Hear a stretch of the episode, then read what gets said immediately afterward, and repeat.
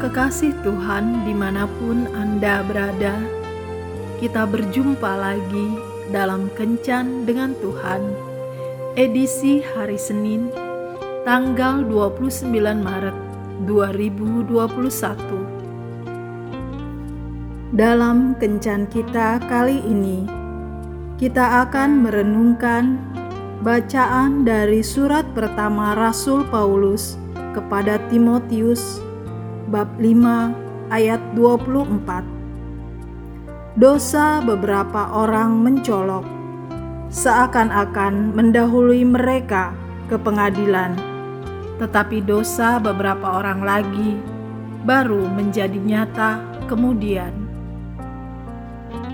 Bapak, Ibu, dan saudara-saudara terkasih, dikisahkan dua orang laki-laki bekerja keras membuat sebuah perahu.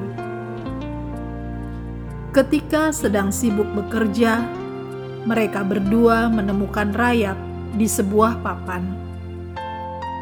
Salah seorang dari mereka kemudian ingin membuang papan itu, tetapi temannya melarang dengan berkata, "Kenapa papan ini harus dibuang? Kan sayang." Lagi pula tidak ada masalah.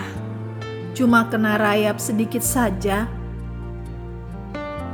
Karena tidak ingin mengecewakan temannya, papan yang ada rayapnya itu pun akhirnya tetap digunakan untuk membuat perahu.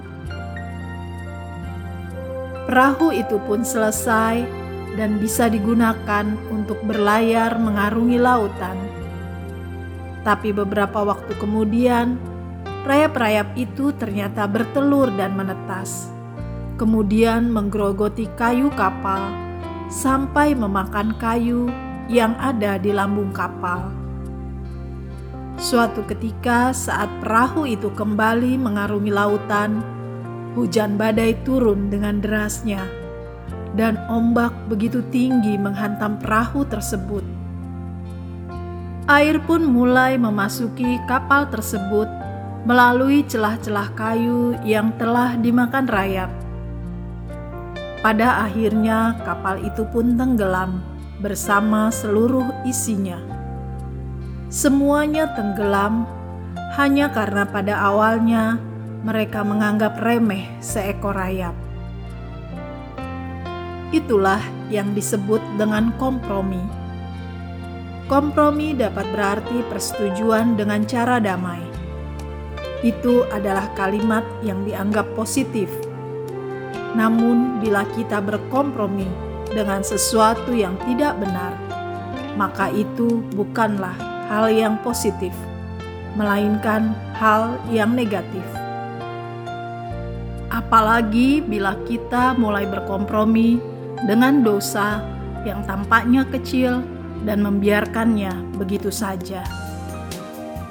Yusuf adalah contoh orang yang tidak mau berkompromi dengan dosa. Demikian juga dengan Daniel, Sadrah, Mesah, dan Abednego. Walaupun pada dasarnya mereka tahu akibatnya jika mereka tidak mau berkompromi dengan dunia ini. Tapi pada akhirnya, ketaatan mereka pada Tuhan membuahkan berkat bagi hidup mereka. Prinsip hidup mencintai Tuhan dapat kita wujudkan dengan tidak lagi berkompromi terhadap dosa, sekecil apa pun. Jangan sampai gemerlapnya dunia ini, keegoisan kita, kedagingan, dan hawa nafsu kita membuat kita mulai berkompromi dengan kepuasan dunia yang sifatnya hanya sementara. Sekecil apa pun kita berkompromi dengan dosa, akibatnya mungkin tidak langsung kita rasakan. Namun, hati-hati, karena pada akhirnya bisa berakibat fatal. Tuhan Yesus memberkati. Marilah berdoa. Tuhan Yesus, kuasailah diriku dengan roh kudusmu, agar aku dapat menolak godaan dunia dan kenikmatannya yang dapat membawa aku ke dalam maut. Amin.